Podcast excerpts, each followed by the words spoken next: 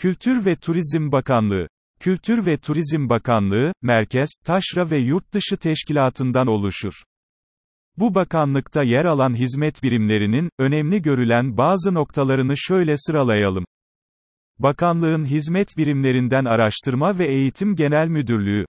Bu müdürlük, yabancı ülkelerde halen konuşulmakta olan, Türkçe lehçe ve şiveleri ile bunlara yardımcı dilleri öğretmek ve bu konuda araştırmalar yapmak üzere mevzuat çerçevesinde enstitü kurulmasını sağlamakla görevlendirilmiştir.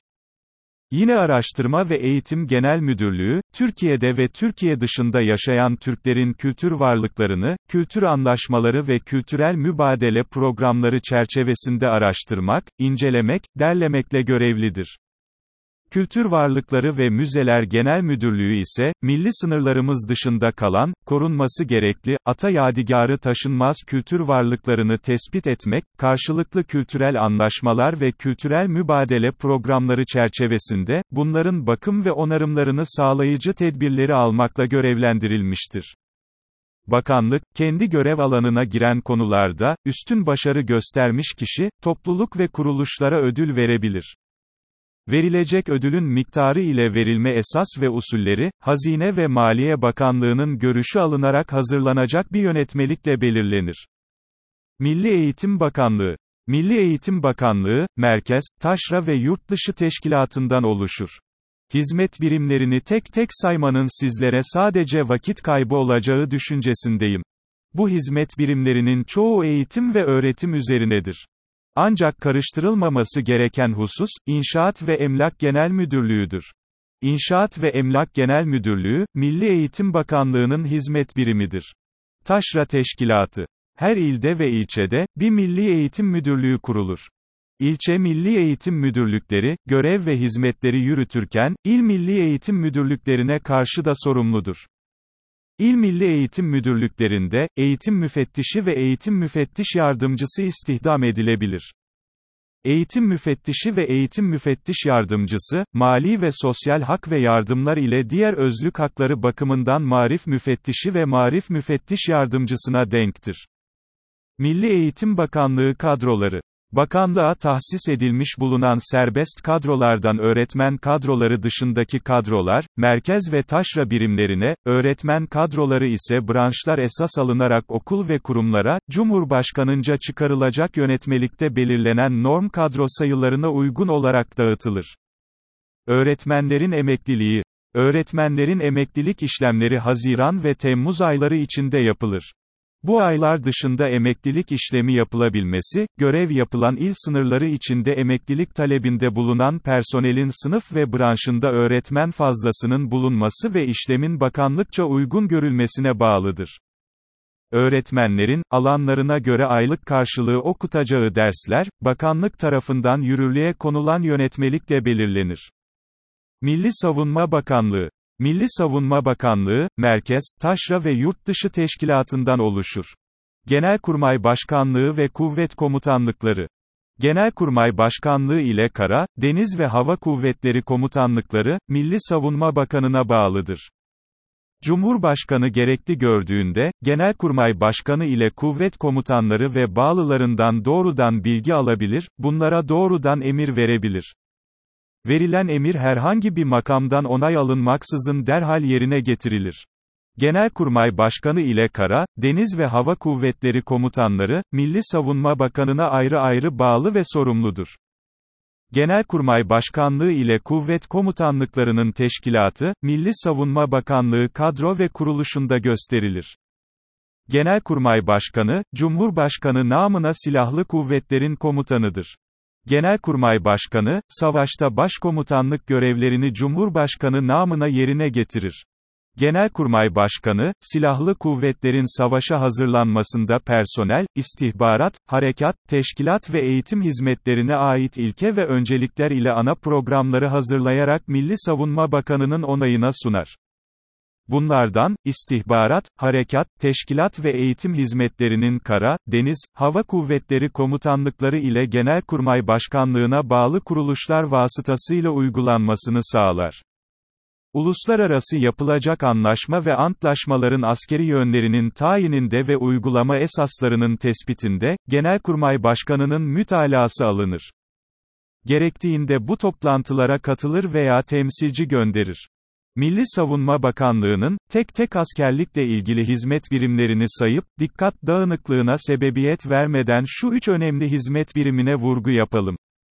İlki, 2021 yılında kurulan Teknik Hizmetler Genel Müdürlüğü'dür. İkincisi, Bütçe ve Mali Hizmetler Genel Müdürlüğü.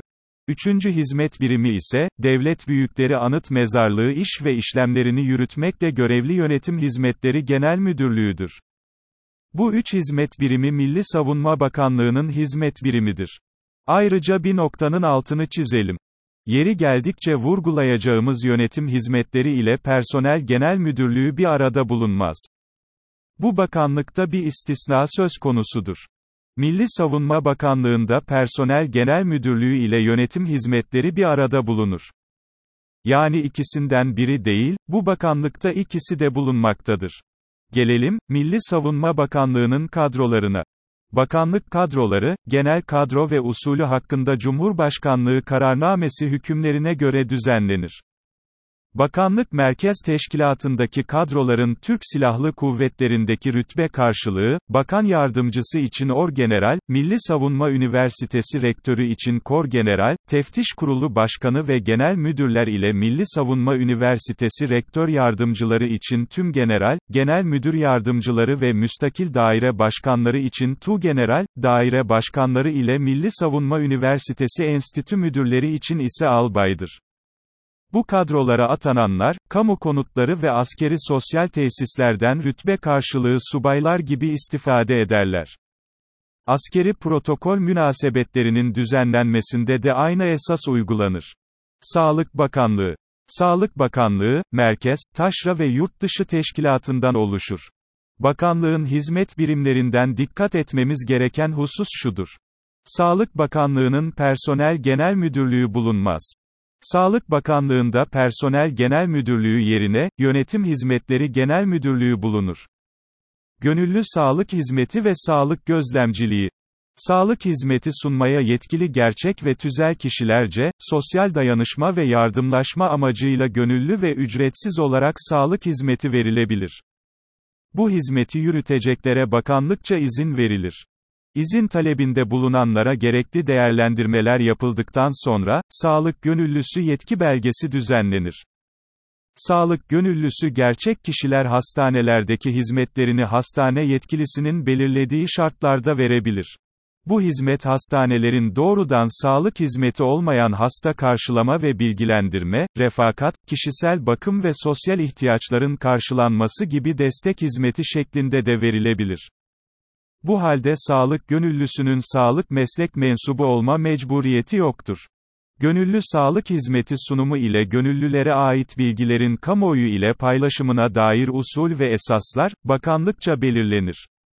Sağlık kurum ve kuruluşlarında hizmetin geliştirilmesi amacıyla bakanlık, hizmetten faydalananların gönüllülük esasına göre yapacakları gözlemlerini değerlendirmek üzere gerekli düzenlemeleri yapar. Son olarak ruhsatlandırma ve lisans bedeli.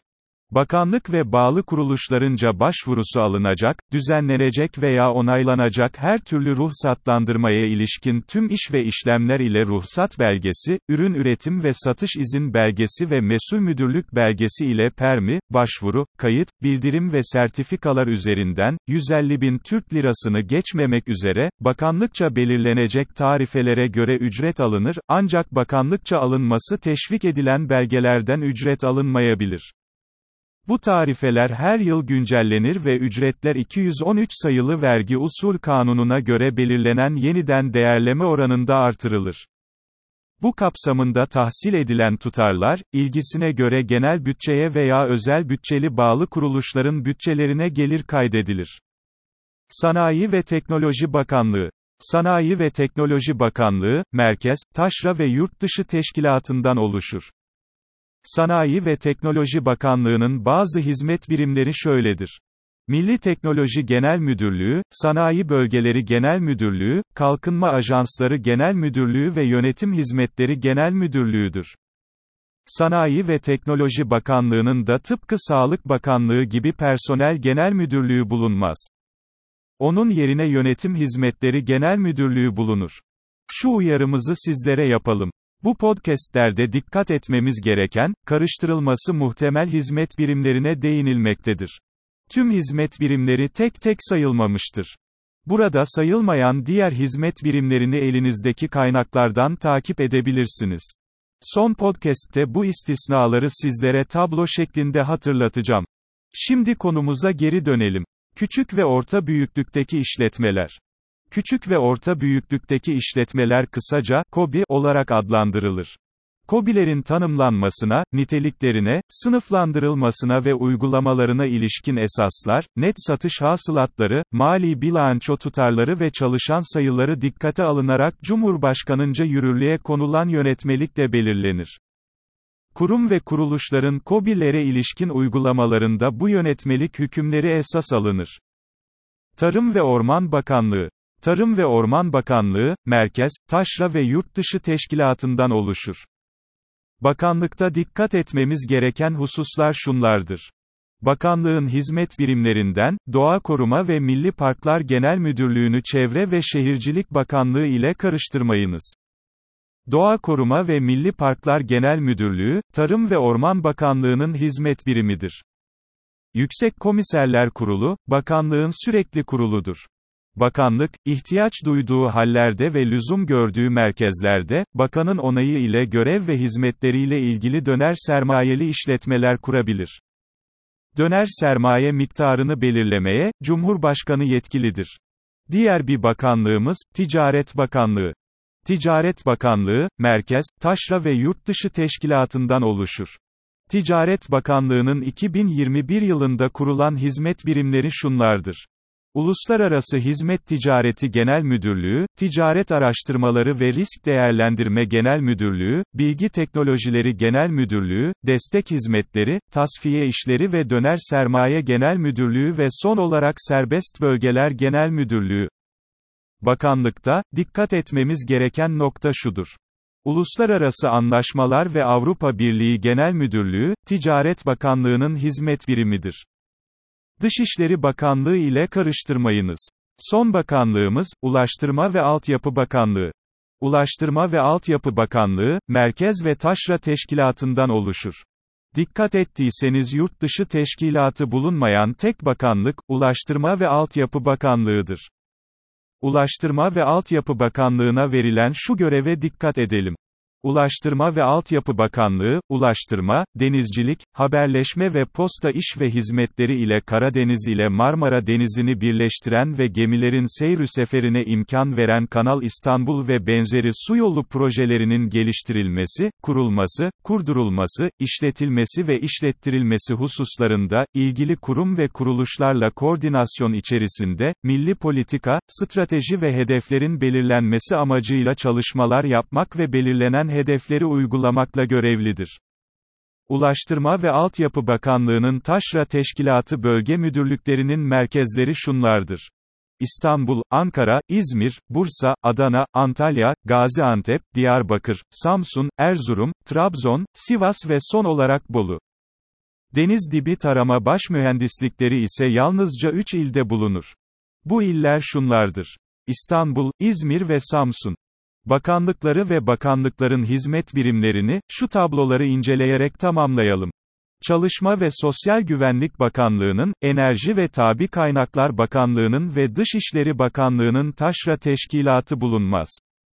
Ulaştırma ve Altyapı Bakanlığı'nın yurt dışı teşkilatı bulunmaz. Enerji ve Tabi Kaynaklar Bakanlığı'nda, Sağlık Bakanlığı'nda, Sanayi ve Teknoloji Bakanlığı'nda Yönetim Hizmetleri Genel Müdürlüğü bulunur. Personel Genel Müdürlüğü bulunmaz. Milli Savunma Bakanlığında ise, hem Personel Genel Müdürlüğü hem de Yönetim Hizmetleri Genel Müdürlüğü bulunur. Bu hususlara çok dikkat edelim. Diğer bir nokta ise şudur. Az önce saydığım istisnalar dışında tüm bakanlıklarda Personel Genel Müdürlüğü bulunmaktadır. Çalışma ve Sosyal Güvenlik Bakanlığında personele ilişkin hizmetler, Personel Dairesi Başkanlığı tarafından yürütülmektedir. Yani, yeni kurulan bu bakanlıkta daire başkanlığı, henüz genel müdürlüğe dönüştürülmemiştir.